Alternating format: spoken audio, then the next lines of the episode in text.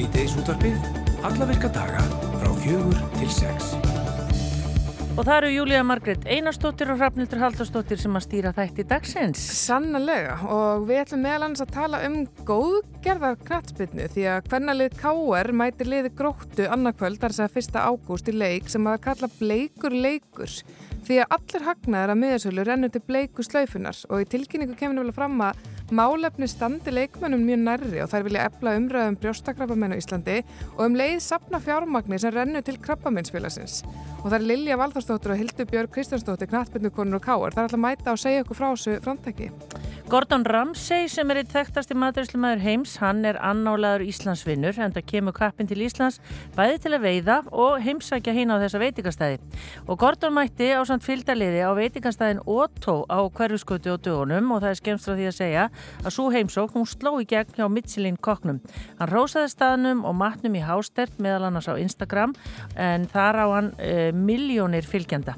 Sigurður Löfdal, hann er maðurinn á bakvið eldúskaldrana á Otto og hann hefur bæði verið í landsliði Íslands í matræslu og komið víða við á sínum ferli og við ætlum að heyra í sigur í þættinum og spyrja hann aðeins út í þessa óvendu heimsók. Það, hann vissi ekki neitt fyrir hann að uh, Ramsey var bara búin að mættra á staðin. Já, sko, eittir að mættra á staðin einmitt og svo, já, að hann fari kannski temmilega brosandi út held ég að gerist ekkit alltaf og svo þegar hann lítur á Instagram og sér þennan post það lítur að vera, já, marga tilfinningar sem fylgja því sem við fáum að heyra betra af eftir.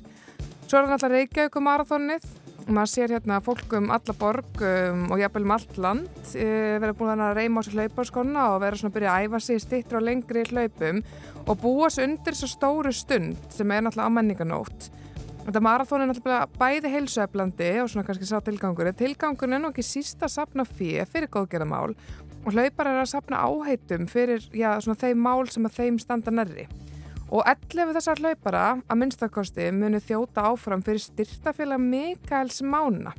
Mikael Mána, Máni er 11 Mikael Smári er það ekki? Mikael Smári, já fyrirgeðum. Og hann er líka kallað Mikki og er 11 ára drengur, hann er með taugarhörtunarsjúkdóm og, hérna, og það er stór hópur sem að, hérna, er svona teimið hans Mikka sem að ætlar að hlaupa og einn þeirra er, sem er móðusistrans, hún uh, sagði mér að titla sig aðdándi hans líka, hún heiti Valdís Anna Jónsdóttir og hún ætlar að segja okkur frá honum Mikka og þessum hópi sem ætlar að hlaupa honum leðis. Já og svo er það grendargámandir, umræðan um útróðana gáma og rusl út um allt. Náði hápunktu í Vesturbænum um helgina en þar tóku tveir íbúa sér til, mættu með bíl og kerru og losuðu allt rusl í kringum gámana. Því að þeir hafðu ekki fengið einn svör frá Reykjavíkuborg eða þeim sem að uh, uh, það er ættu í rauninni að vinna þetta verk. Og Teitur Allarsson, hann er annað þeirra. Og hann segist hættur að nenn að kvarta í borgarífuvöldum og hann hefur gert þetta í nær 30 ár er að segja röflað en nú ákvæðum bara að gera eitthvað og taka málið í sína hendur og hann ætlar að koma til okkur eftir. Já, þetta er svona þjóðtrýfaverk uh, bókstælega. Já. Uh, Inga Björk Margeta Bjarnadóttir, listfræðingur og barndukona, hún byrsti alveg ótrúlega mynda sér á Facebook í gæri þar sem hún er stætti í flugvél og hún er skorðuð á mjög uh, undarlegan hátt, vafir inn í eitthvað sem líkist einhvers konar rullupilsu og þetta er bara þeim undarlegsta sjón. Uh, hún notar hjólastól og hún er sko að hlæja á myndinni og segist hlæja yfir fáranleika heimsins en hún vil vekja aðtegla á ítrekkari vannvirðingu sem föllið fólki að gerðan sínd á halvi flugfélaga. Hún hefði til dæmis fyrir sömur þurft að hafna aðtunni tilbóði því eins og hún lýsir eru flugsamgöngur margtröð fyrir fólk sem notar hjólastól. Hún ætlar að vera línunni og segja okkur frá þessar leiðilegu reynslu og svona þessu kerfisbundna vandamáli. Já, en vil maður byrja á landsbyðinni. Jökulsárglúfur voru friðlist sem þjóðgarður árið 1973 og hafa frá 2008 verið hluti af vatnajökuls þjóðgarði. Og þetta svæði er í norður þingi nær frá Dettifossi í söðri og að Ásbyrgi í norðri. Og margir telja að Ásbyrgi og umhverfi þar í kring sé með því fallegasta sem umgetur hér á landi og það er vantarlega búið að vera nóg að gera í sumar eins og áður og í símanum staðnum er hún Bjartei Unnur Stefánsdóttir sem er landvörður á staðnum þar að segja í Ásbyrgi og hún er á línni. Kontur sæl og blessuð. Hæ, hæ. Hvað segir okkur í sumar? Hvernig er búið að ganga? Það er búið að ganga bara mjög vel. Nóga fólki og ágætt viður, mest megnis. Já, byrjaði mjög vel. Er það veðrið? Jú, júni var mjög góður. Júli var aðeins kaldari og blöytari en það er nú samt að byrta til núna en síðasta. Já. Hvernig er það með hérna, þetta svæði hérna, í Ásbyrgi og þannig kring? Eru, eru þetta mestmægnis erlendi ferðamenn eða eru Íslendingar alltaf dugleir að heimsækja þennan frábæra stað? Já, ég myndi segja að þetta væri bara svolítið mikið eftir veðrinu. Það er þetta mjög svona konstant uh, erlendi ferðamenn að færa þérna. Uh, en þegar það koma svona uh, góð veður eins og búin að vera eins sumar, þá koma Íslandingandi mjög mikið. Já, Íslandingandi sem er svona elda sóluna. Já, einmitt. Eins og maður Þá gerir. fyllist tjálsæðið og allt, já, akkurat. En þetta er náttúrulega rosalega svona náttúru perla og því lík um, hérna, náttúru fegur þarna svæðinu en er ekki svolítið mikil vinna einhvern veginn, ég menna þegar það er svona mikið af fólki, mikil átráðningu fólks, er ekki vinna að halda einhvern veginn svæðinu í svona skikanlegum, á skikanlegum stað? Jú, það eru þetta, það sem eru svona mesta trafíkin eins og við Dettivos, við erum búin að vera með mjög mikla trafík þær sumar, það eru þetta bara uh, mikil vinna að týna rusl og reyna að halda göngustíðum góðum. Og við erum líka búin að vinna mikið í sumar að grísja og stika göngulegir og svona verið átaki að viðhalda göngustíðunum góðum. En jú, það er alltaf bara nóg að gera svo sem þó að því uh, ekki mikið fólk, það er alltaf nóg að gera í, í þessu. Já, það er hérna Veslunumanna helgi um næstu helgi, er það eitthvað sem þið á þessu, mm, hvað eins og Júlía sagði, þessu viðkvæma svæði hafið áhyggjur af? Nei, ég myndir ekki segja við um áhyggjur sérstaklega veslunumanna helginni en það er svona, það er kannski líklegast að helgin þar sem fólk kemur og er svona þess að vera með meira stöð á tjálsæðinu þannig að við erum svona með kannski aðeins þingri kvöldvaktir en það er nú ekki neitt sem við höfum stórar áhyggjur af sko.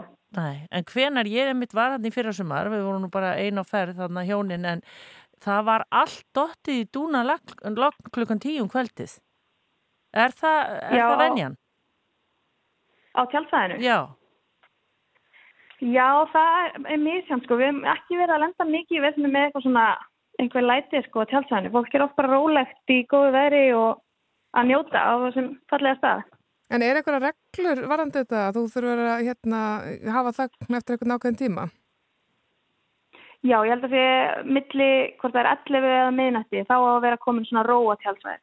Já, þá má bara skriði í söpbókan og, og búa sig undir næsta Já, dag. eða þú veist, já, já. já. En það er hérna nóg eftir að sömrinu hvenar eru þið, er hérna allt í gangi þarna hvað? Út ágúst eða jafnvel lengur eða hvað? Já, það er aðeins lengur. Tjálsvæðin er oft alveg opinn fram í september uh, og jafnvel út september ef það er gott veður, sko. Já, sem að verður náttúrulega núna. Auðvitað. Já, jú. Erðu, hvað er, hvað er framönda hjá þér núna? Þarf þetta að fara hérna standa vaktina eða hvað?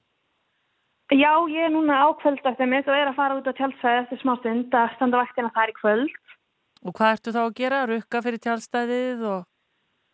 Já, við erum að rukka við tjálsvæðið og, og aðstofa fólk. Við erum með þetta parkakerfi hérna, þar sem fólk svona getur bókað sér sjálf, þannig við erum að bæði að aðstofa fólk með það og að gera það fyrir það. Og svo erum við líka með alltaf fræðslugöngur öll kvöld svona hásumar, þannig að hérna, Gaminland við verðum með fræðslugöngu í kvöld í Ásbyrgi, Já. klukkan átta. Klukkan átt í kvöld, gott fyrir þá sem er á leiðinu og er að hlusta útvarpið. Já, Og hvert á fólk að mæta? Bara við miðstöðuna eða? Já, það er við stóra snirtihúsið á tjálsvæðinu. Já, Og er fólk að fræðast svona bara um svæðið og sögu þess? eða? Já, eiginlega, þetta fer bara eftir hvaða landur er með gönguna, hvað svo manneskja vill uh, fjall um, en þetta er mjög mikið einmitt bara um Ásbyrgi og, og þjóðgarðinn og sögu svæðisins og svona. Já, Ég verði til þess að gangu. já, spennandi. Bestu kveðjur til ykkar í eh, Ásbyrgi og, og þetta frábæra umhverfið þarna allt í kring. Bjarta Júnu Stefansdóttir, landvörður, gangið vel og bestu kveðjur. Takk fyrir sem leiðis. Já, þess.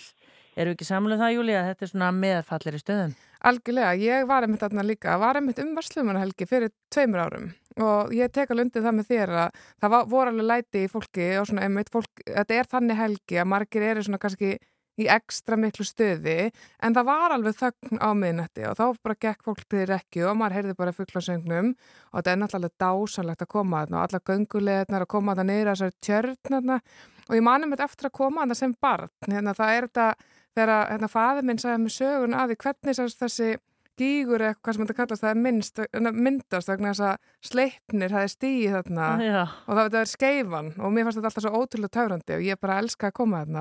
og öfunda bara fólk sem er þarna á sveðinu og hann að bjarta í unni eða bara líka að fá að vera að njóta sín þarna, já, Já, starfa í þessu umhverju. nákvæmlega. Ef þetta, við hérna eftir smá stund þá ætlum við að hringja í konu sem að, já, lendi í, ef að segja, remmingum í Já, flugvél. ég held að mig alveg segja það.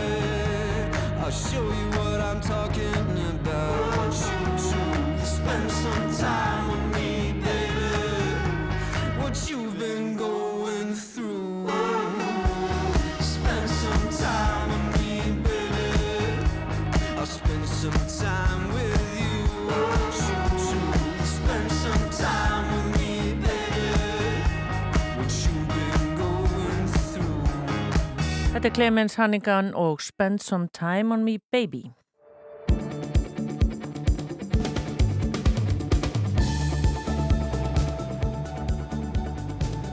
Uh, já, Clemens Hannigan er allar að hérna, vonandi verja tíma með þeim sem hann syngur þarna til. Uh, við erum komnar, ég, Júlia Marget Einarsdóttir og Rafnildur Haldarsdóttir, við ætlum að vera til kl. 6 með ykkur í dag og við erum komnar með góða konu á línuna. Hún ætlaði að reynda að kíkja til okkar uppröndilega en þurfti svo að sinna enga sinninum sem saknaði móðu sinnar. Þannig að við erum með hana bara í símanum. Þetta er hún Inga Björk Margeta Bjarnadóttir. Hún er listfræðingur og baráttukona. Og hún byrti um, færslu á Facebook síði sinni gær. Mynda sér nána tiltekið sem að hún er stödd í flugvél. Og er hlæjandi en aðstæðarnar eru kannski ekkert svakalega spauilegar þar sem hún er vafin einhvern veginn undarlega inn í eitthvað skonar klæði eitthvað slíkt og er algjörlega skorðið þarna í uh, flugvélasæti og já, mörgum hefur bröðið einhvern veginn yfir þessari myndbyrtingu og Inga segir sjálf að þetta sé alls ekki fyrsta síðasta sinn sem að reyfi hamla fólk fólk sem nota hjólastól eins og hún gerir uh, fái svona fyrðurlega meðferð af hálfu flugfélaga. Uh, Inga, ertu á línunni? Já, ég er hér. Já, sæl. Hérna, getur þú sagt okkur bara hva, hvað er að gerast á þessari mynd sem að þú byrtir? Já, sem sagt, þegar maður er í hjólastól þá far maður ekki vera í hjólastólun sínum í flugvilni heldur uh, starfsfólk flugvallarins að koma manni úr sínum hjólastól og yfir í flugvilasæti. Og þá er maður sem sagt trættur í svona lítinn hjólastól sem lítur eða meira út eins og eitthvað pyntingatæki frá meðaldum og þetta kæði sem sérst svona vafið utan á myndinni er í raun og veru það sem maður kalla svona burðasegl sem ég bara kipti sjálf til þess að tryggja mitt öryggi. Og svo er maður bara svona strappaði niður inn í belti til þess að við mitt maður bara dætt ekki en þetta er, þetta sýnir svolítið þú veist hvað maður þarf að leggja á sig til þess að komast í flög og oft er mjög erfiðar aðstæður og ég hef oft áður en ég til dæmis fór að nota svona burðasegl þá var uh, svo erfitt fyrir starfsfólk flugvallarins saman hvort að hér heima eða erlendis að aðtapna sig að ég var bara reynilega oft bara þau mistu mig eða slengdu mér utan í sætið en það þurfti það klifra upp í kannski sætaröðun á bakvið mig eða einhvern veginn að reyna að aðtapna sig til þess að koma mér yfir í flugvélasætið þannig að það sem er í gangi þessar myndir er bara að vera að flytja mig svolítið eins og farangur inn í flugvélina. En hvað, og þarftu svo að vera í þessu eða ferðu úr þessu, þessum klæðum eða hvernig er það? Ég þarf að ferðast með þetta undir mér til þess að koma mér aftur út í flugvélinni. Þannig að ég, sem sagt, þetta er svona í rauninni bara svona, já, burðartæki sem ég set sjálf undir mig en, en þetta er svona, uh, já, sýnir svona svolítið hvað maður þarf í rauninni að þóla til þess að geta notið þeirra uh, ferðafrelsi sem aðrir kannski taka sem sjálfsögum hlut til þess að fara hann hvort í skemmtiferðir eða til þess að heimsækja vinu og vandamenn erlendis. Og þessi saga Og sem þú er- segir er einmitt ekki einstæmi mitt. Nei, svona er þetta alveg saman hvað flugvelli maður er. Um, maður er svona transporteraður úr sínum hjólastól yfir í flugvellasæti í svona litlum hjólastól þar sem maður er reyður niður. Og, og auðvitað væri það langt best að maður gæti verið bara í sínum hjólastól og það, svo tækni hefur verið til mjög langa tíma en, en það hefur ekki verið vilji hjá flugfélugum viðan veröld til þess að í rauninni tryggja það að taka, það þyrfti þá að taka út sæti til þess að gefa eftir pláss fyrir hjólastóla en það myndi þetta auka öryggi uh, fallast fólks og þeirra starfsmanna sem sjá um þennan flytning því að maður byggði vorkenni líka starfsfólkinu sem er sett í þessa aðstöðu að koma manni um borð sko. Já, en eru einhver ákveðin sæti sem eru ætlu fyrir fólk sem nota hjólastól? Nei, í rauninni ekki. Maður reynir bara að setja sem framalegast í flugvelinni en ekki við neyðargang og, og hérna það er náttúrulega stundum hefur falla fólk bara þurft að kaupa sér sæt á saklast því að það hefur heilsusinnar vegna ekki hérna, byrði til þess að sitja í hörðum og þröngum sætum í marga klukkustundir.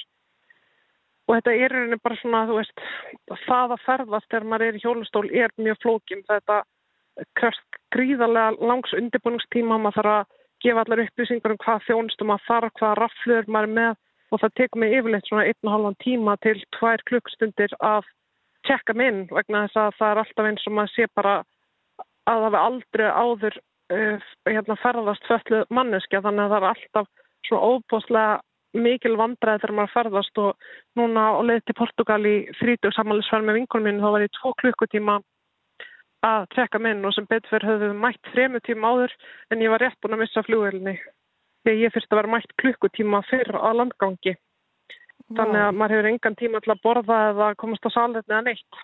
Næ, en þú ert nú ekki gömul manneskja, er, er þetta búið að vera svona alla tíð og er engin þróun á þessum málum eða hvað?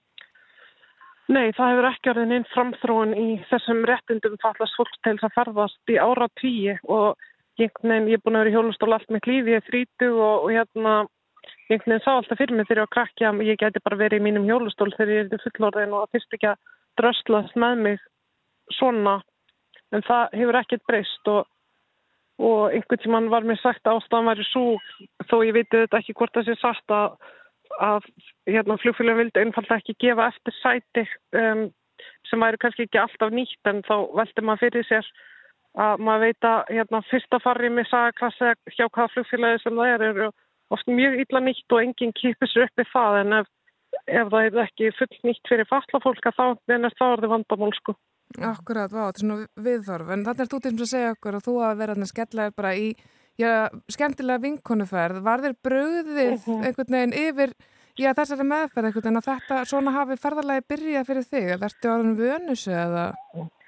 Já, maður býst algjörlega við því að þetta, að það fer eiginlega alltaf eitthvað óskeið. Svo ég hef búin að undirbúa mitt vinkonum mín og stóð sumar þeirra hafið farðast með mér áður að það er yfirleitt eitthvað sem, einhver katastrófa sem verður en það er svo erfitt að vita aldrei hvað gerist, hvað ég lend á vegg og, og oft mæti ég mjög lélug viðþóru hjá flúallarstarfsfólki um, sem ránkólu framann í með augunum yfir, þú veist, út af því að því finnst ég verið með vesen að vera að ferðast í rámasjólustól þó að þetta sé þetta bara mín mannréttundi. Já, en menna, verður þetta til þess að þú ferð, ferðast minna eða?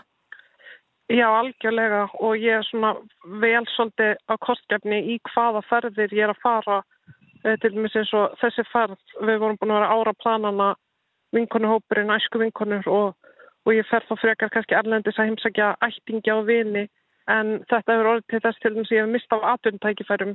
Á þessu ári búið bjóðum við fjórum sunnum erlendis í vinnuferðir, halda fyrirlestra og, og mæta ráðstefnur að tala en ég hef afþakkað í öll skiptin vegna þess að þetta, bara, þetta er svo erfitt og, og krefst hérna, stóískar ró að einhvern veginn vita aldrei hvernig það farum í hjólastólinn, hvernig það farum í mig, mun ég slasa mig í flugin og vera þá kannski mjög lemstur á áfangastaf og svo framvegist, þannig að maður leggur ekkert í þetta fyrir hvað sem er sko.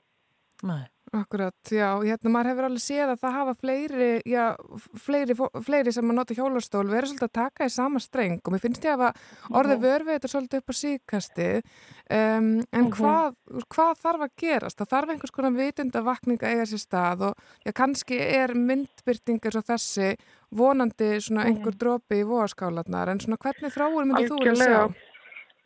Sko, myndin var raunin bara byrst út af því að ég hugsaði, ég bað þess aðstókonuna mínum að taka þessa mynd af mér í þessum fárlega aðstöðum og bara svona upp á gamani til að eiga þannig séð bara svona til minningar um það hvað þetta er fáránlegt og þetta er svona í hvert einasta skipti en svo þegar ég var að skoða mynd þá hugsaði bara að almenningur og ófalla fólk það fattar ekki hvað þetta er erfitt og fattar ekki hvað þetta er svakalega mikið álag að þurfa að leggja þetta á sig hvert einasta skipti þannig að ég ákvað bara að setja þetta á neti til að vekja fólk til umhugsunar.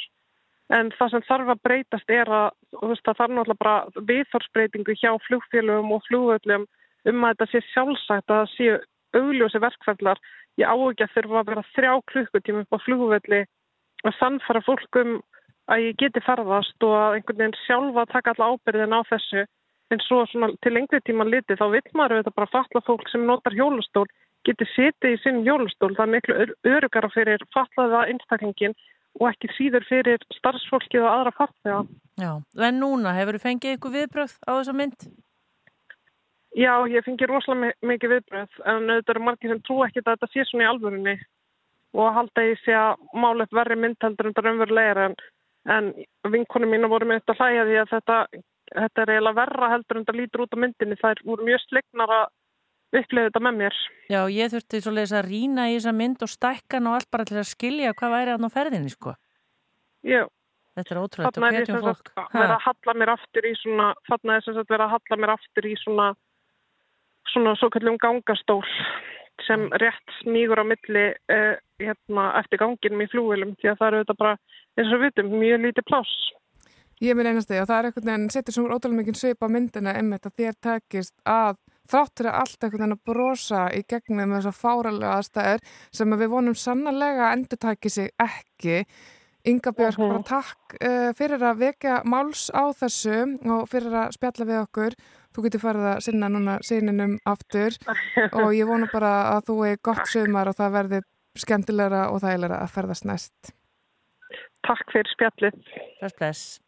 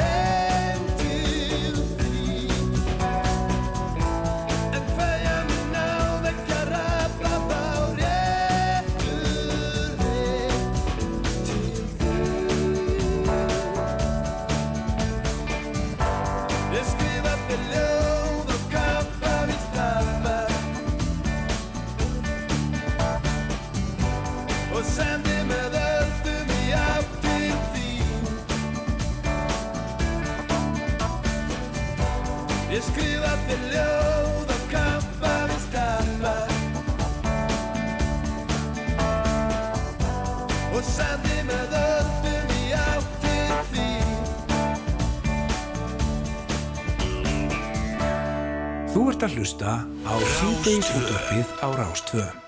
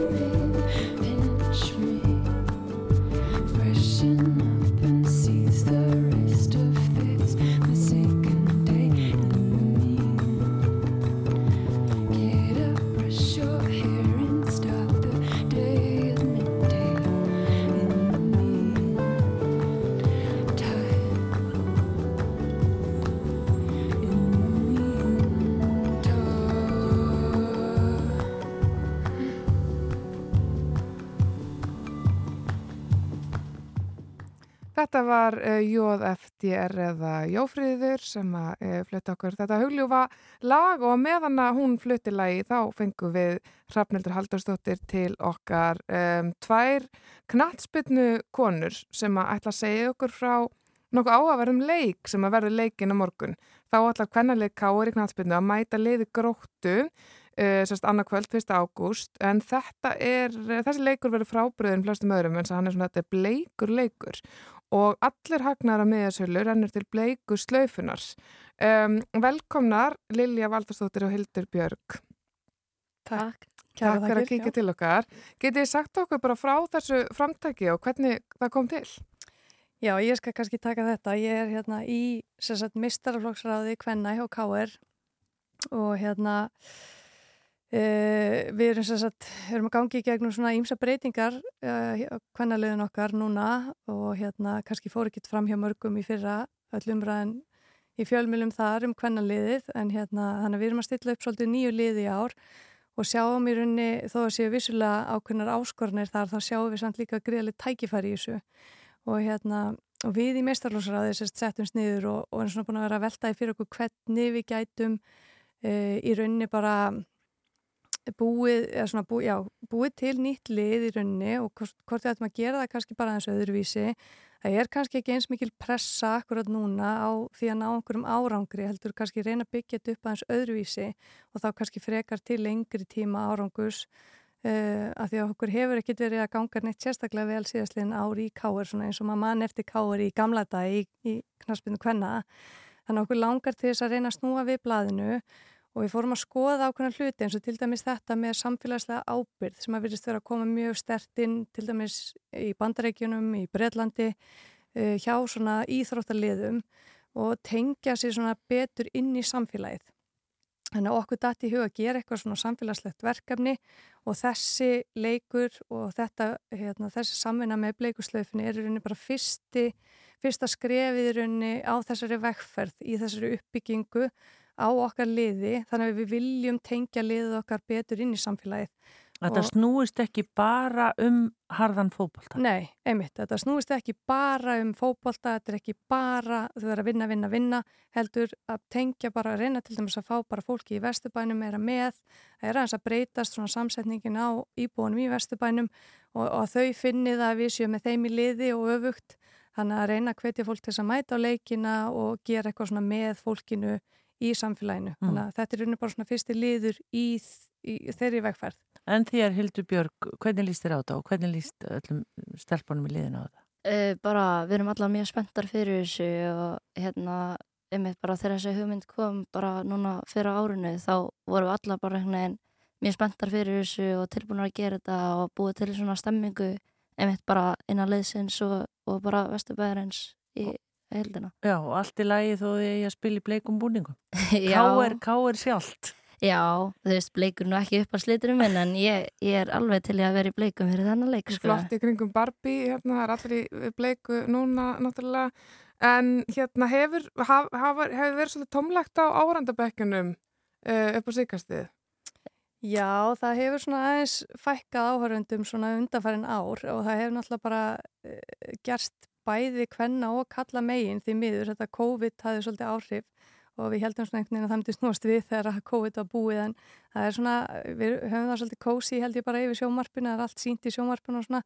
Þannig að við erum svona að reyna hérna, hvetja fólk til þess að mæta og þetta er miklu skemmtilega að mæta á leiki og eins og á morgun að þá verður greiðlegt fjör í kringu leikin, það verður greiðlegar hambúrgarar fyrir leik og, og hérna káarljóni mætir á svæði, það verður sláakefni í háluleik og hérna bara svona ýmslegt skemmtilegt og auðvitað eins og þú nefndir þá verða bleikibúningar, fyrsta skipti sem að káar spilar í bleikum búningum. En ekkert sem minnir þó á káir á búninum eða er, við bara láta hérna, koma, koma okkur óvart á morgun? Já, við verðum með að sjálfsögðu með káarmerki á brjóstinu. Já. Það fyrir ekki neitt. Nei. En hérna, en það verður svona ímislegt fleira í þessu þema og hérna á, sérst, í framkvæmdin á leiknum, þannig ég ætla ekki að segja mikið meir en það, bara hvetja fólk til þess að koma á leikin og sjá bara hérna með sín megin augum Já. hvað við ætlum að bjóða upp á. Mm. En hvers vegna var bleika slaufan fyrir valinu? Voru þið hérna, að, ég sá eitthvað skonar eh, myndskeið sem að hérna það sem að var svona að vera að greina frá sig og mér síndist koma fram að, bleika slaufan stæði liðinu eitthvað þegar nærri, getið satt okkar frá því? Uh, já, hérna við sem sagt settumst bara niður allar í liðinu og, og fórum að tala bara um hvaða málefni við vildum styrkja og við vildum bleikuslaufuna bara af því að við vildum sjá þú veist, þau eru að gera stansa mjög vel bara við öllum verkunum sem þau eru að gera og svo vildum við mitt vekja bara aðtegla á krabbamenni og brjóstakrabbamenni í konum. Og hérna bara veist, það er alltaf einhver í liðinu eða bara einhver staðar einhver sem þekkjum sem að annarkvort þekkir einhvern annan sem hefur verið með brjóstakrabbamenn þannig að þú veist, þess vegna áttu við einhvern veginn allar sammeilegt að vilja styrkja þetta málefni. Já, og þetta eins og segir hérna Lilja, bara byrjunin einhvern veginn á svolítið nýri vegferð hjá káir liðinu.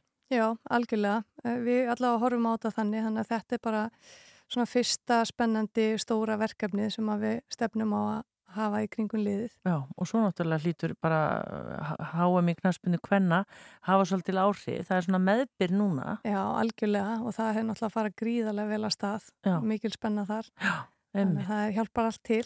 Og þeir sem eru að hlusta á leikin á morgun, hann er annarkvöld, er það ekki? Jú, hann er annarkvöld klukkan 19.15 á Mistarvöllum og sagt, allur ágóði af miðasölunni rennu beinti bleikuslaufunar og Alvotek sem að styrkir okkur í þessu mun svo jafna alla þá upphæð og gefa líka. Þannig að það er til mikils að vinna Frábært. fyrir bleikuslaufuna og bara hvetjum alla til þess að mæta. Já, við vonum að verða alveg smekkfullu völlurinn. Lilja Valþórsdóttir og Hildubjörg Kristjánsdóttir, Knarsbjörn Konur og Káar gangi ykkur vel með þetta. Kæra Takk ég lega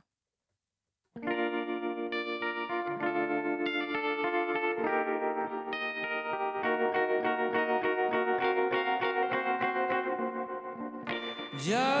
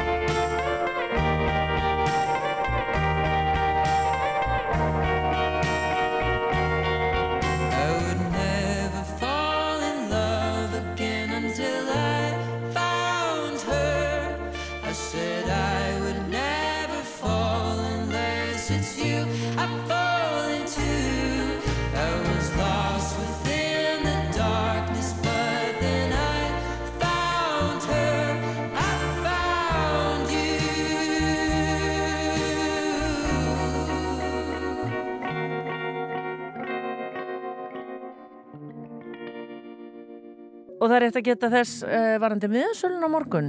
Já, það er eftir að fara inn á stupp.is sögðu þær okkur í leginu út. Og það er til dæmis hægt að, sko, ég bel þá má komast ekki leikin er hægt að uh, styrkja bleiku slöfuna með því að kaupa sér miða þar. Og með það í huga alvatek mun tvöfald að upphæðina sem að fanga best inn.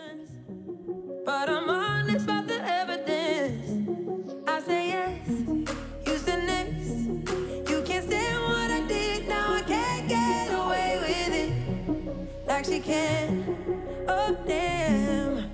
What you don't understand.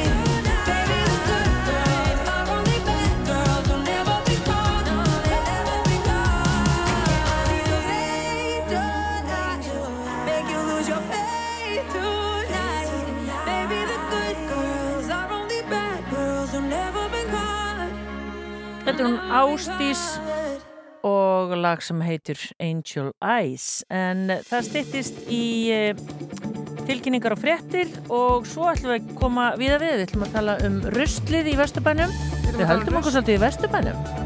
Já, það er nú ekki með vilja gert en, uh, en það er rusl í Vesturbænum en það er uh, líka skemmtilegur fótbolti. Um, og já, við ætlum að tala um mat, við ætlum að tala um rusl, við ætlum að tala um Reykjavíkumarathon þannig að við verðum alveg fjölbreyttar það. Já, alveg, þannig að við skulum leipa tilkynningum og fréttum og heyrjumst svo eftir það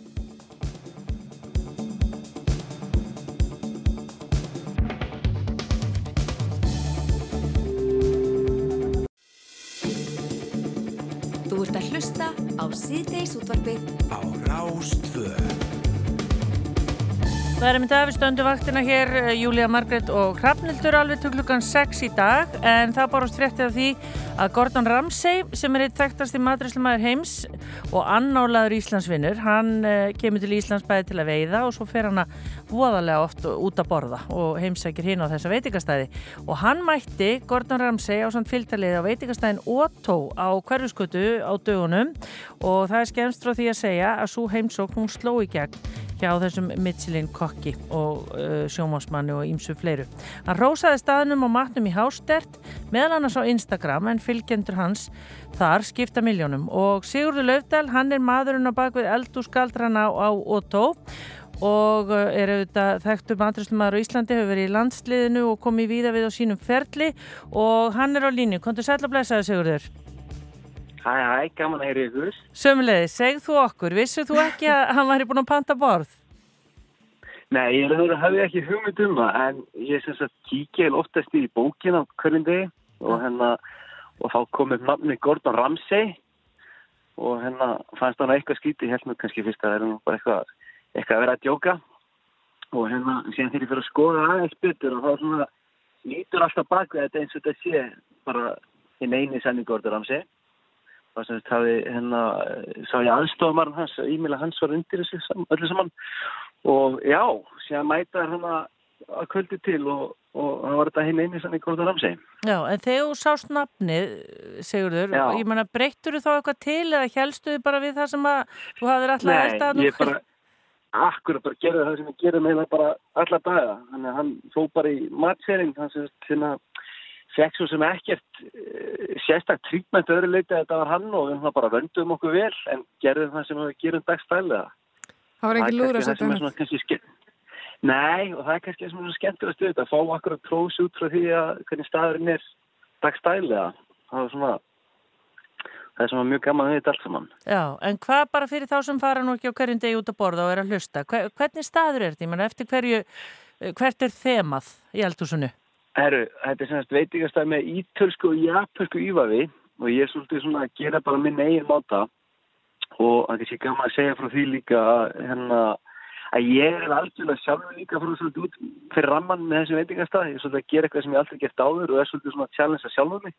Þá með þessu ítölsku og japanska konsepti og að því leitir það var svona alveg eh, auka gaman að hérna hafa fengið þetta hrús frá Gordon Ramsay sjálfum Greinilega á réttri hillu, en sko hvernig er það þegar að já, þið áttu ykkur á því að maðurinn er mættur og veitandi til dæmis að hann tjáu sig gerðnan á Instagramið mitt um þá staði sem hann er heimsækja og svona og fólk tekur marka á honum, sko var þetta stress eða hvernig var tilfinningin? Sko, hérna, ef þú myndir spila sjálf um mig, þá myndi ég segja að ég hafi til til auðvöður en, en þeir sem voru að vinna í kringum mig, þeir sé akkur að döfugt, sko. Já, hérna, hérna, en, hérna, maður svo sem er raun og veru vissi ekkert við hverjum átt að búast. Þannig kom hann með, hérna, þetta er sérst áttamanna borð og þeir pöntuðu bara eitthvað beint af matselunum, mismöndi rétti og uh, hann er raun og veru vissi ekkert við hverjum átt að búast. En sem kemur hann sko eftir mál til að þá kemur hann sjálfur inn í eldus og þakka fyrir sig. Já, og þá kannski grunaði maður að, að hann væri hérna sáttukallinn og hérna og ég spyr hann hvort það sé að ég fá að mynda okkur öllu teiminu saman og hafa bara minnsta mál. Og, og hérna og síðan segir hann líka, sem var líka gaman að fá hérna mynd tveir saman stingur hann upp á líka sem var skemmtilegt líka því ég hef aldrei beðan um það eftir allt saman. Hann vildi bara Og, selfie með þér. uh, og, Já, akkurat, og síðan segir hann hérna, já, já, og síðan segir hann hérna við vinnum sína að hérna, máta mittsýlingætin vita þessum stað og hérna, og þá held ég nú bara, þetta var nú ægilega gaman, en ég kannski var ekki að búast í að myndi sem postin á Instagram í sitt í gær, það var kannski svona auka og allt saman, því oft segir maður nú bara eitthvað og, og hérna, þó mann líki vel, en hann hefur greinilega líka þetta mjög vel. Já, en, en sko hvaða þýðingu hefur þetta? Því sko maður veit að það eru miljónir sem fylgjónum eftir og það eru þetta bara til dæmis margi bandarækjumenn á Íslandi, hérna Ísland alltaf að vera vinstallega í þeim hópi. Ég meina þetta hlýtur að hafa áhrif. Já, ég vil maður fundið að núna bara aðteklingum bæði innanlands og erlendis er búin að vera gigatísk bara senast að sólarhingin sko eftir að hann postaði sjálfur og hann komið með eitthvað að byrja í seinustu ykkur eftir að hann kom að borða það líka en að hérna, þetta er haft gífil áhrif fyrir okkur og líka þannig að þegar staðurinn var brotnað fyrir tveim mánuðið síðan og sem veitingu sem eigin í dag að þá rennir það svolítið blind að sjó þurft á það veitingahús Já, og oftast er þetta svolítið gert að ástriðu og það er það sem drifir áfram. Og hérna maður veit akkur ekki hvað maður er að fara úti og, hann að þú veist í raun og veru ég ekki að segja þetta að segja hefni þannig að mikið að gefulega hæfulegu starfsfólki á Otto og, og sem búið að leggja mikið í þetta. En vissilega lukka að það skulle koma hérna svona nýbúin að opna og þannig að kjölfarið þá eru fleiri sem veit á okkur og það gerir kannski alltaf heldina eins betri fyrir okkur sem er rekstur þannig að þetta er hægt alveg gífil áhrif og ég kannski alltaf vita hvað Gordon Ramsay er og, og það sem er hérna uh, magmæna hanna hann er hérna uh, bæði frægur og þekktasti matuslumar heims en á sama tíma er hann líka á ótrúlega flotta veitingastæði og langt sérna fekk til dæmis uh, þrjálmeitsinnusturnu þannig að þetta er á James Sauce þá og þá var hann með þeim yngri í heiminum til þess að þrjálmeitsinnusturnur þannig að hérna þetta hefur gífilega áhrif að fá þessa viðkynningu sem er byrjun frá honum það Já. mun hjálpa mikið held ég og hann setti... en það er smá lukka, lukka í því Já, og svo sett hann mynd á Instagram á ákveðnu rétti. Er það þá réttur sem Já. þú verður og þið verðið að hafa á bóðstólum eða hvað? Já, ég held það núna ha. Já. Ég verð að vita hvað þetta var. Býtu, hvað var það aftur? Hör, hörpuskil þetta, þetta er hörpuskila vestan Emmitt. veit hann, veit hann Simba, Simba Kavara Vá, það verður ekki, verður hérna- ekki mikið fýtna. Þannig að þegar maður er eftir að fá þessa að ég- reynslu sem að hann, já, lendir í þegar hann mætir þarna og verður svona ægilega gladur og maður er alveg örugur þegar maður fer í hörpuskilina. Já, þú fannst að hörpuskila þetta, nú kemur, það er bara þannig. Ekki þetta er ekki bara- tekið hann að sælni Nei, Já, ekki bara þessu. Bara frábært, við bara segjum gangið vel, Sigur Löfdal og þið og allt þitt starfsfólk á Otto, bara til hamingi Já, með til þetta. hamingju. Glæslegt, takk fyrir okkur, Takk gaman að heyri ykkur Sömuleiðis, bless, bless. Bye bye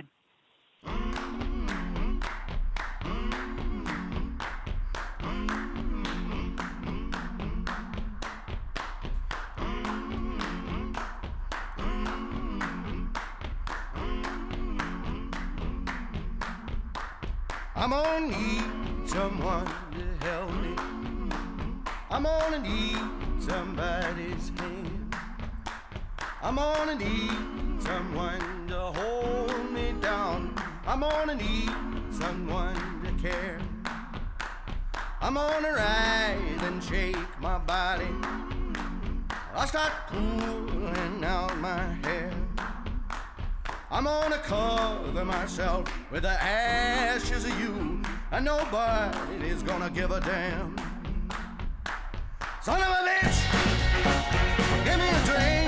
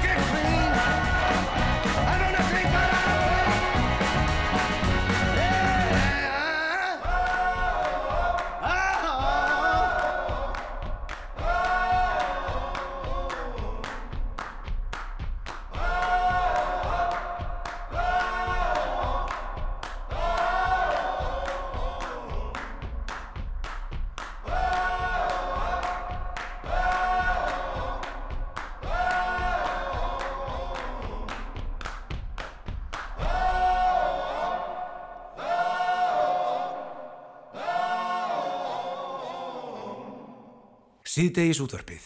Málefni líðandi stundar frá 46.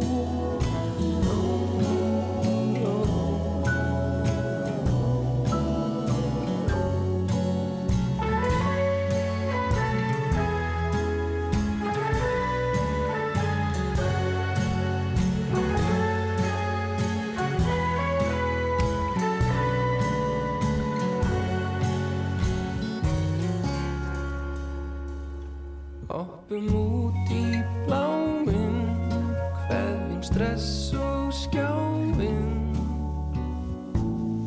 Syngjum lag, spilum spil, þá er gott að vera til. Syngjum lag, spilum spil, þá er gott að vera til. Tínum skell grös Látum pappa blásum öss Við grótar hól Í feluleik Á hlæðslu Lampasteik Við grótar hól Í feluleik Á hlæðslu Lampasteik Stingum að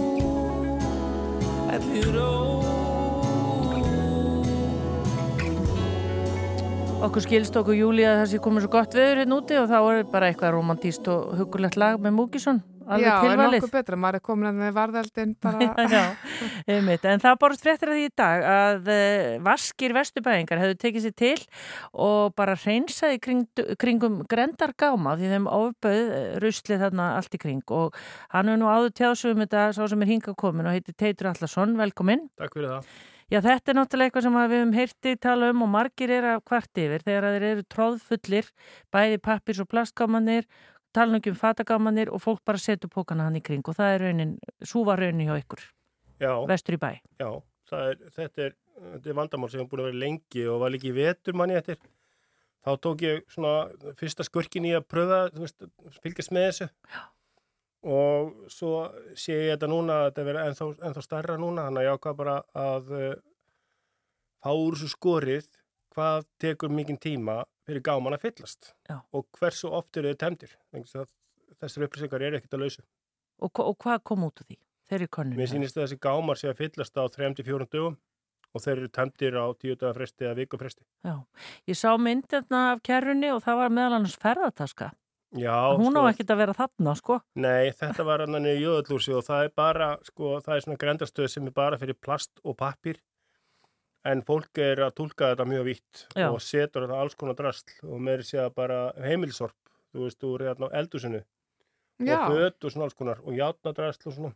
Einmitt, það er nú ekki langt í sorpu frá Jóðallúsinu um, en það verðist eitthvað eins að fólk hafa kannski ekki þólum að fyrir að fara allavega þangað eða hvað ætli sé í gangi. Ég held að fólk sé að gera þetta kvöldin. Já, það sé lokaði sorpu það er, reyndar sko fjarlægin til sorpu frá, frá Jóðallúsinu eru 600 metrar. Já. það er ekki meira en það sko. Þannig að það er eiginlega engin afsökun svona undir eðlum kringustum að gera þetta en ég held að þetta sé nú bara suppuskapur hjá fólki eða bara fólk fattar þetta ekki. Já, en látum þetta vera. Ég minnist þess nú einu sinni á grendagámi þar sem ég bý að þar var klósett, sem sagt bara klósett, einhver Já. hafði verið að skipta um klósett eða klósett og það bara var mætt þarna.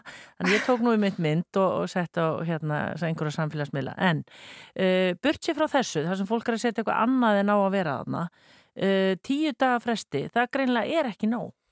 ég, þú veist, þetta er það sem að ég ég, ég stend ekki alveg keikur við þessar niðurstöðu mínar en mér sýnist að gámatinn sé að fyllast á fjóruðaða fresti. Já. Eh, ég veit ekki hvernig það er tæmið þetta. Ég er bara ekki, þegar ég hef ekki eftir að gert það ég, ég hef ekki séð ringrásuna gerast. En svo er líka annað, þegar að fólk er að skilja svona fött og alls konar dót eftir fyrir utan gámana þá eru sömur sem bendur með bend, benda með fingrunum á fólkið. Þeir eru suppur, þeir eru ekki að skilja bara rusli fyrir, eftir, eh, fyrir utan gámin en þessi staða myndi aldrei koma upp ef að fyrirtæki sem á að sjá um að tæma gámana stæði sér í stikkinu, skiljiði. Já.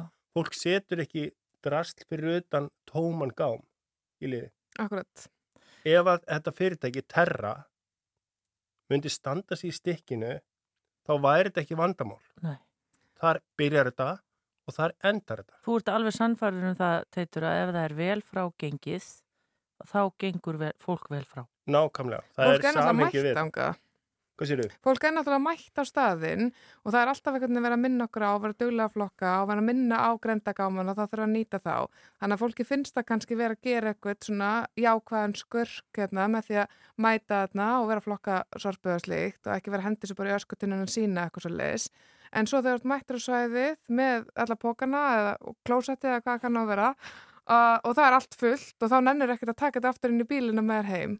Og Eðlilega ekki. Og svo er líka, sko, pælingin bak við grendagáma er svo að það er ekki allir á bíl. Og til dæmis þarna við Vesturbælaugina er tún, það sem er hellingur af blokkum og hellingur af fólki sem að er úr alls konar aldri og, og svo stjættu stöðu. Og þegar að hugsa um gefum okkur það bara, það sé eldri borgari sem er að gera það sem að honum er sagt og hlusta á hérna, ráðlíkingar borgariðavalda og sorpu, hann trítlar hérna niður með pókan sinn eða tvo, þrjá póka af drasli fer síðan fyrir utan, finnur gáminn tróð fullan á hann þá að fara tilbaka með drasli sitt Já. það er svolítið svo, þú veist, það er svolítið svo, það er svolítið bratt ef við hugsaum okkur annað scenarió fólk sem er kannski að fara í, í frí og á leiðin út úr bænum, tekum með sér hérna eitt fatapoka eða eitthvað plastpoka, hendum í sér leiðinni skilji, og það er tróðfullu gámurinn. Hvað ætlar að gera? ætlar að fara með plastrasliðið og gömlu fötinni í fríið, Já, í bústæði. í. Það er enginn að fara að gera það. Nei. Þú, bara, þú segir bara, anskutin hafið það, ég bara skilda hérna eftir fyrir þetta. Já, en svo er annað, ef við tökum bara fatagámana, þú eh, ert aðeins búin að vera að skoða það líka, þeir eru alltaf einhvern veginn tróðfullir. Já, þeir, það eru kannski ekki, ég er nú aðeins búin að skoða þess að tvo sem að, sem að ég er búin að vera að vakta.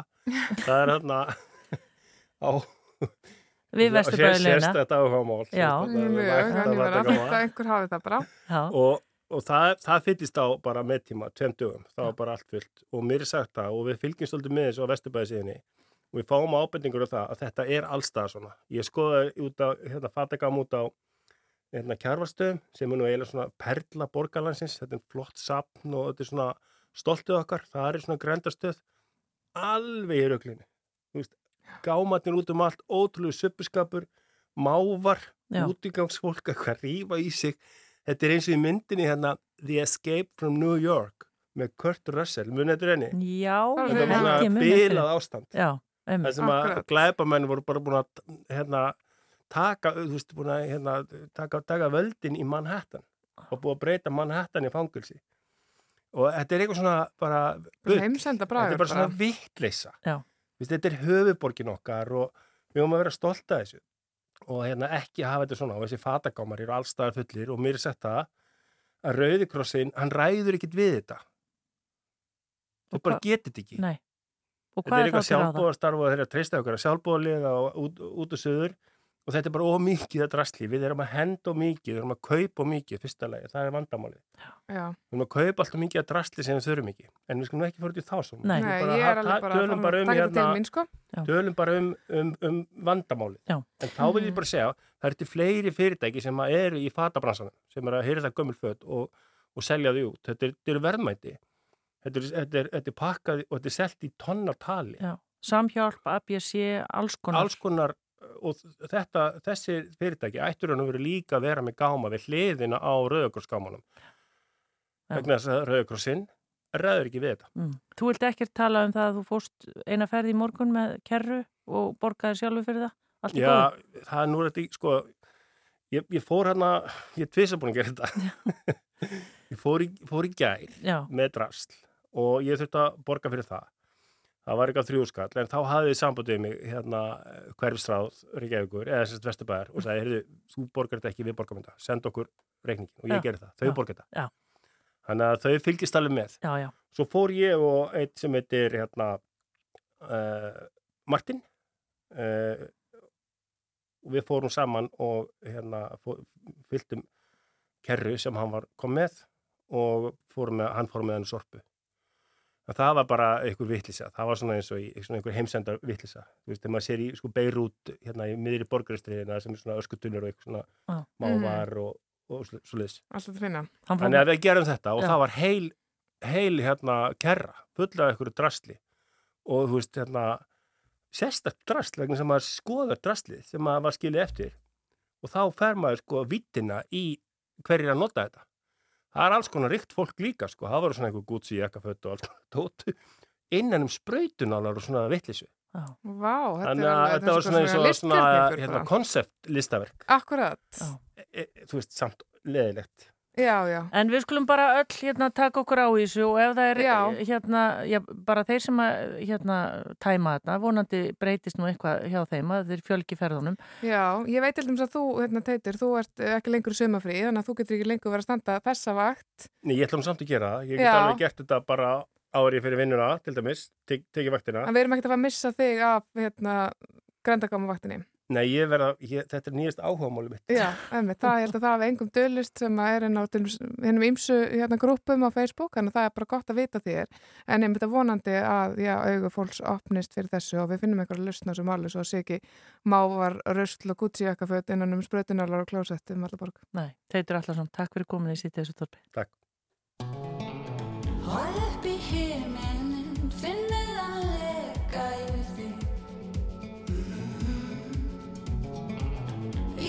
skrefi er eitthvað eða mig og þig. Lifum í skugga, skugga þar sem áður var. Vakna dagur, vakna nýjar spurningar. Tróðir að fyrðu veru fjöld sem lifna við fljúandi föðurlut og glöð Ásteinar okkur óla dansi tansljósi Star upp í stjöldu híminni Trúir á tilviljanir tæki færi mín. Hveður sem býðir mérkrinu Trúir að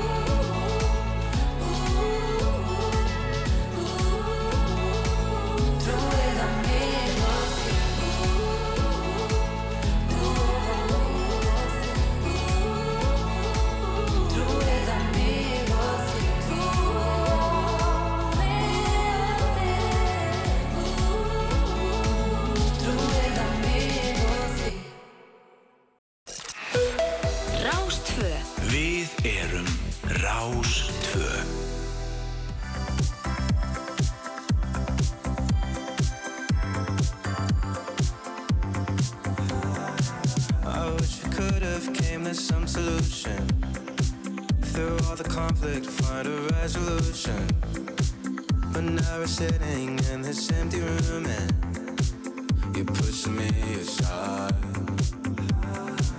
Maybe if we'd have come to some agreement, a conversation deeper meaning. But now it's like you're leaving me for dead. We're finally out of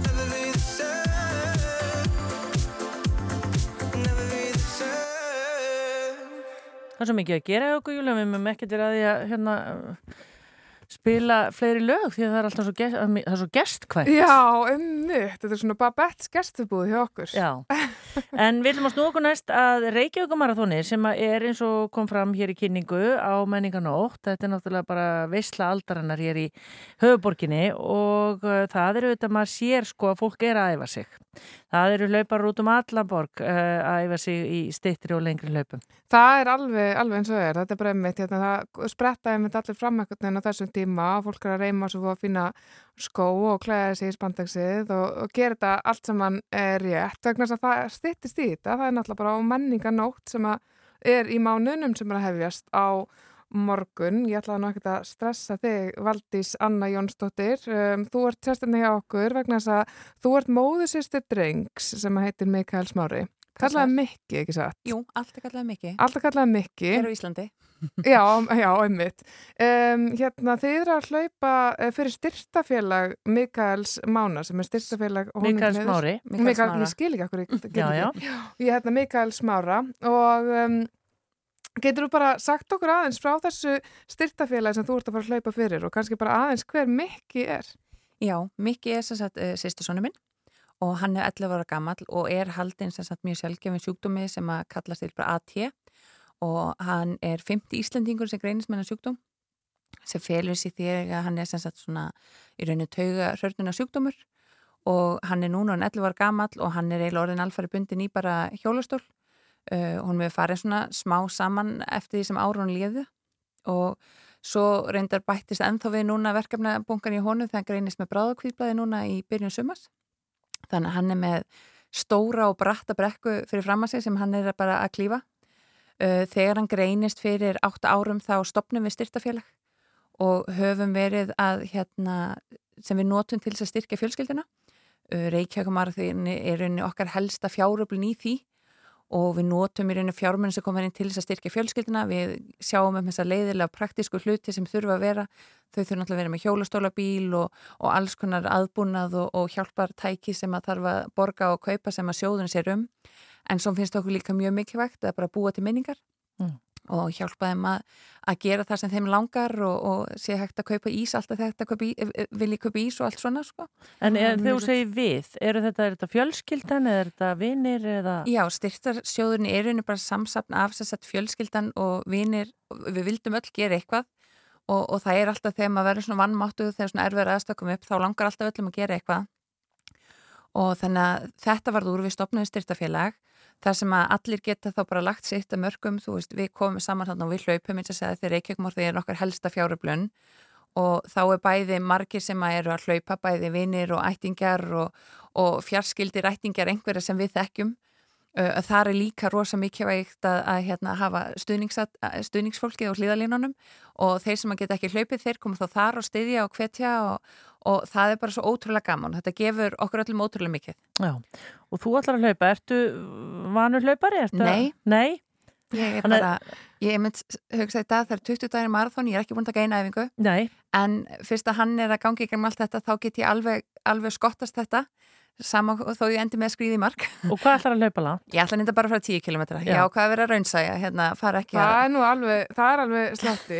Veistu, ég fann nefnilega á þér þegar ég var að lýsa þessu og ég var að segja hérna, já, nú er að stýtast í þetta, er alveg að fara að gera. Það var svona smá sviti sem byrjaði að myndast eða svona, við erum báðar alveg pínu stressar, Já. báðar að fara að hlaupa og þetta er að stýtast í þetta og ég meina um að gera hérna æfasaði, en þetta er einmitt svona þessi meðbyr sem verður og nú veit ég ekki með til þess mikka sjálfan, verður hann á svæðinu og hvetir sitt fólk?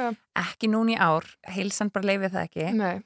en hann kom í fyrra og hérna tók þátt líka og fór í skemmtiskokki í fyrra og fannst það alveg geggjað og hérna, og það er nefnilega þannig að því við förum svo mörg, eins og núna í árin yngsti keppandi þryggjára, hún var tveggjára í fyrra og, og, og þá var elsti orðin sko 76 ára í fyrra, þannig að hérna, við erum alveg öllu aldurshópi og við erum að taka þátt í öllum hlaupunum, þú veist, eins og núna er fólksgræði 3 km, 10, hálfmarathon og heilmarathon. Þannig að hérna, við erum, við erum all, í öllum skalanum. Og hann kom með mömmu sinni og hérna sýstur í fyrra og þau tók þátt með og var rosa gaman að hafa þau með og plani var að þau myndu reyna að koma kannski sumar en eftir að hérna bættist í verkefnabunkan þá er það nú kannski Já, ekki að fara að gerast. já, en við bara höfum hann með í, í, í huganum í staðinn og, og hugsun til þeirra með við hlaupum. Hann sendir ykkur stuðning og, og þið vantalega honum, honum líst þetta sem miklu sjarma trölli og hann á sig greinlega mjög marga aðdándur, Já. bæði náttúrulega bara fjölskyldan og vinir og þið eruð orðin 12 sem að skráða ykkur í hlaupið honum til heiðus.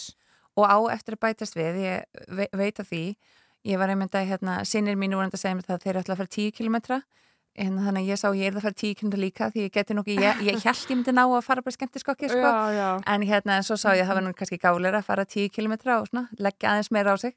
Það er að minnsta sem maður getur gert. Og þeir sem eru áhuga semir og vilja það náttúrulega fólk bara sko lendir í hálfgjörum valkvíða þegar það kemur að því að styrkja, þetta er allt svo góð og falli málefni, að það er inn á hlaupastyrkur.is. er það Já, inn á hlaupastyrku.is félag heitir styrtasjöðu Mikael Smára og ég veit að það er náttúrulega alveg ofbóðslegt magn af hérna, félag sem hægt er að styrkja og allt er þetta góðum málefni sem þurfa stuðningum að halda en það er líka bara gott að munna það hver 500 kall skiptir máli. Já. Það þarf ekki Nákvæmlega. alltaf að vera sko margir þúsukallar, bara hver 500 kall tilur. Þannig að það er hægt að fara og ef maður finnur nokkur félag sem maður langar að stiðja og nokkra hlaupara þá getur maður driftis eitthvað aðeins. Um að gera. Akkurat. E, já, það er bara frábært að þetta gangi svona vel. Ég sé að söfnunin er alveg komin á fullt en alveg líka alveg nóg eftir Mhm. og ég vona bara að þér gangi sem allra best sjálfri í, já, að æfa þig eða hvernig sem þetta verður hjá þér, Valdís Já, Anna takk. Jónsdóttir. Ætlar ekki, já, bara heldur þú tækinu hlaupi vikunni? Já, já, já, já. Nú, nú þarf maður, þeir eru svona stutt í þetta, þá þarf maður að taka þetta svona smá alveglega og fara að æfa sig. Já, bara gangi ykkur öllum vel og bestu fyrir. kveðir. Takk fyrir.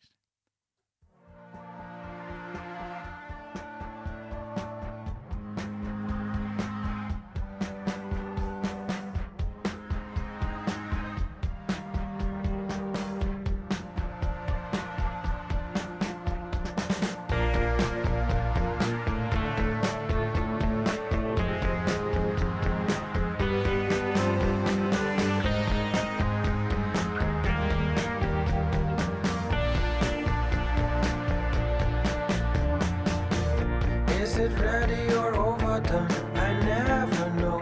Gonna burn if we leave it on to the bone. The smoke gets in your eyes, turn it off. When I tried the alternative,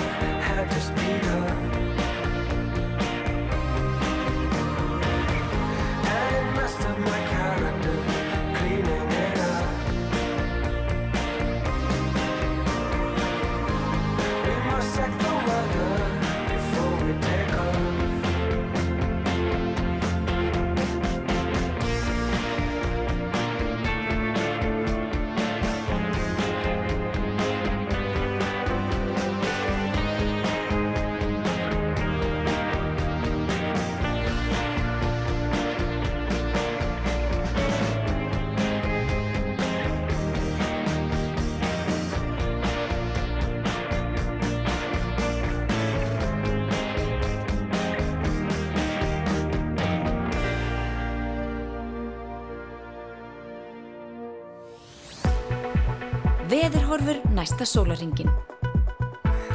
Það býða margir spenntir. Ég er ekkert rétt í mynda mér svolítir.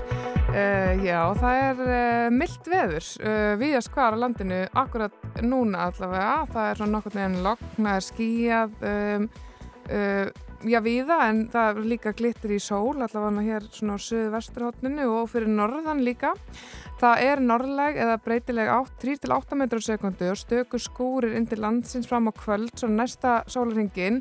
Það verður skýja með köplum á morgun og sumstaðar skúrir, engum síðdeis, þokuloft við norður og austuströndina og hitin 8 til 17 stig, hlýjast á vesturlandi en svalast nyrst. Sko, já, 17 stig, maður getur nú alveg una við það svona þegar að hérna, ágúst er að ganga í garð maður vil náttúrulega hafa þetta alveg í átta sko, mér finnst það ekki sko, alveg 17 stig tímabært á Íslandi er nánast hittabilgja. Það er það, já, uh, og við bara, ég meina þau sem er fá að njóta þess á, á morgun og vonandi næstu daga bara gera það. En áttasti, ég er ekki alveg tilbúin til að samþykja það, þar sem að það er enn langt í hausti. Já. Uh, það er heil mánuður, vonandi áfram af, á sól og sömri. Þetta er náttúrulega alltaf þetta kapplaup einhvern veginn og við erum að skiptast á einhvern veginn landslutarnir, sko, að fá sólina og, og rigninguna.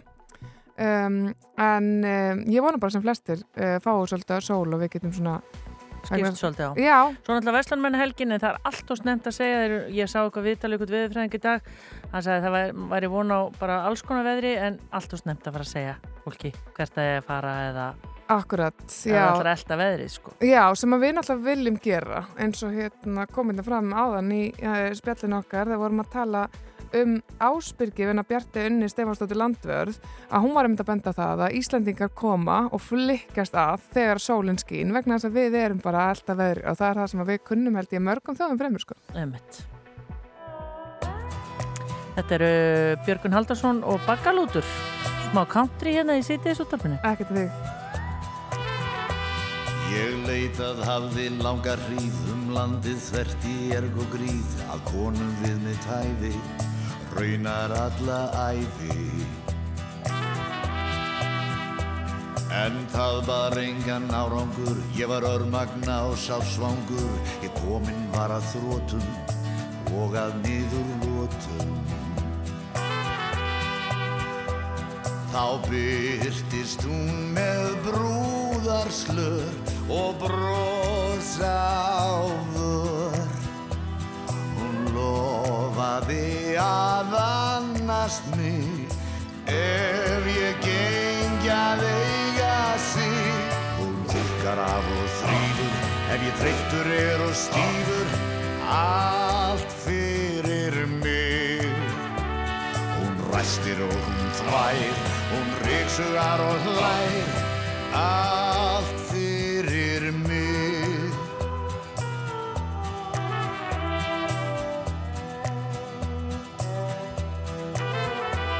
Við giftum okkur eins og skot, við innréttuðum lítið kot og hlóðum niður börnum í nokkrum góðum törnum. Hún verður ekki á þrifum þreytt, nú þarf ég ekki að gera neitt. Feminískar beljur, súpa sjálfsagt kveljur. Því konum ber að bölva því að baka og stoppa í. En ástin mín hún elskar það og að láta renni í bað. Hún þurkar af og þrýfur ef ég þreyttur er og stífur allt fyrir mig. Hún ræstir og hún þvær, hún ríksugar og hlær allt fyrir mig.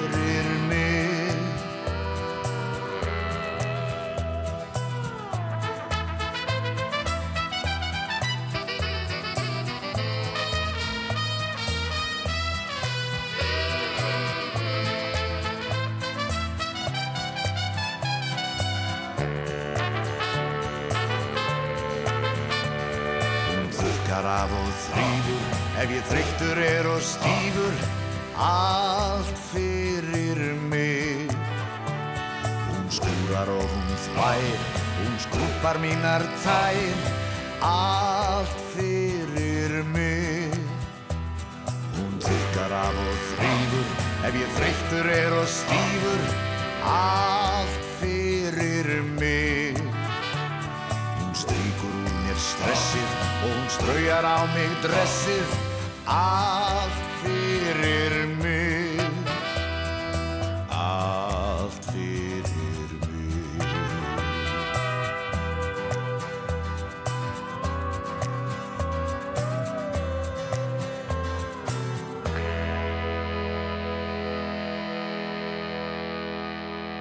Þarna var einhver svona kallrembu kúriki að syngja hérna, textið auðvitað eftir Braga Valdimar en, en hérna frábært lag og gaman að heyra þetta eftir, eftir, eftir það voru mjög langt síðan ég hlusta á þetta lag.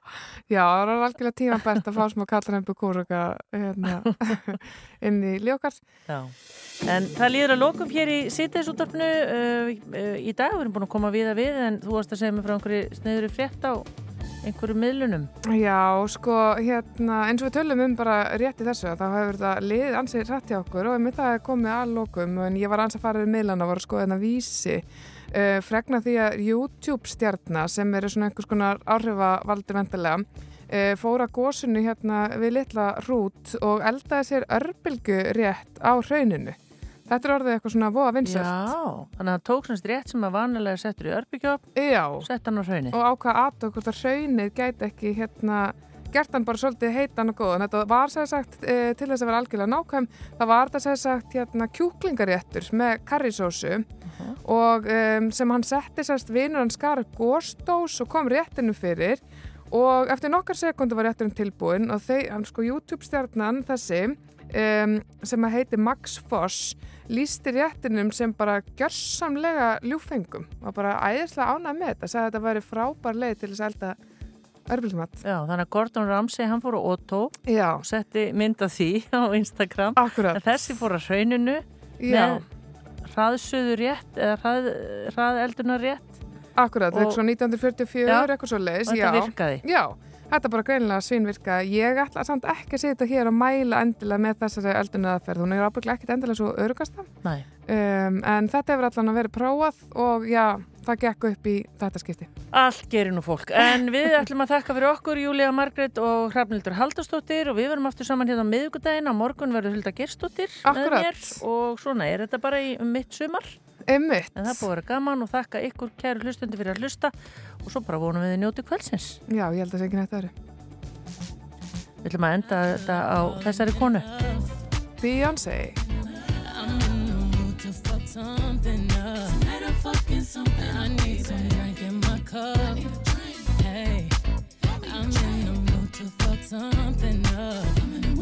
I wanna go missing. I need a prescription. Wanna go higher. Can I sit on top of you? I wanna go where nobody's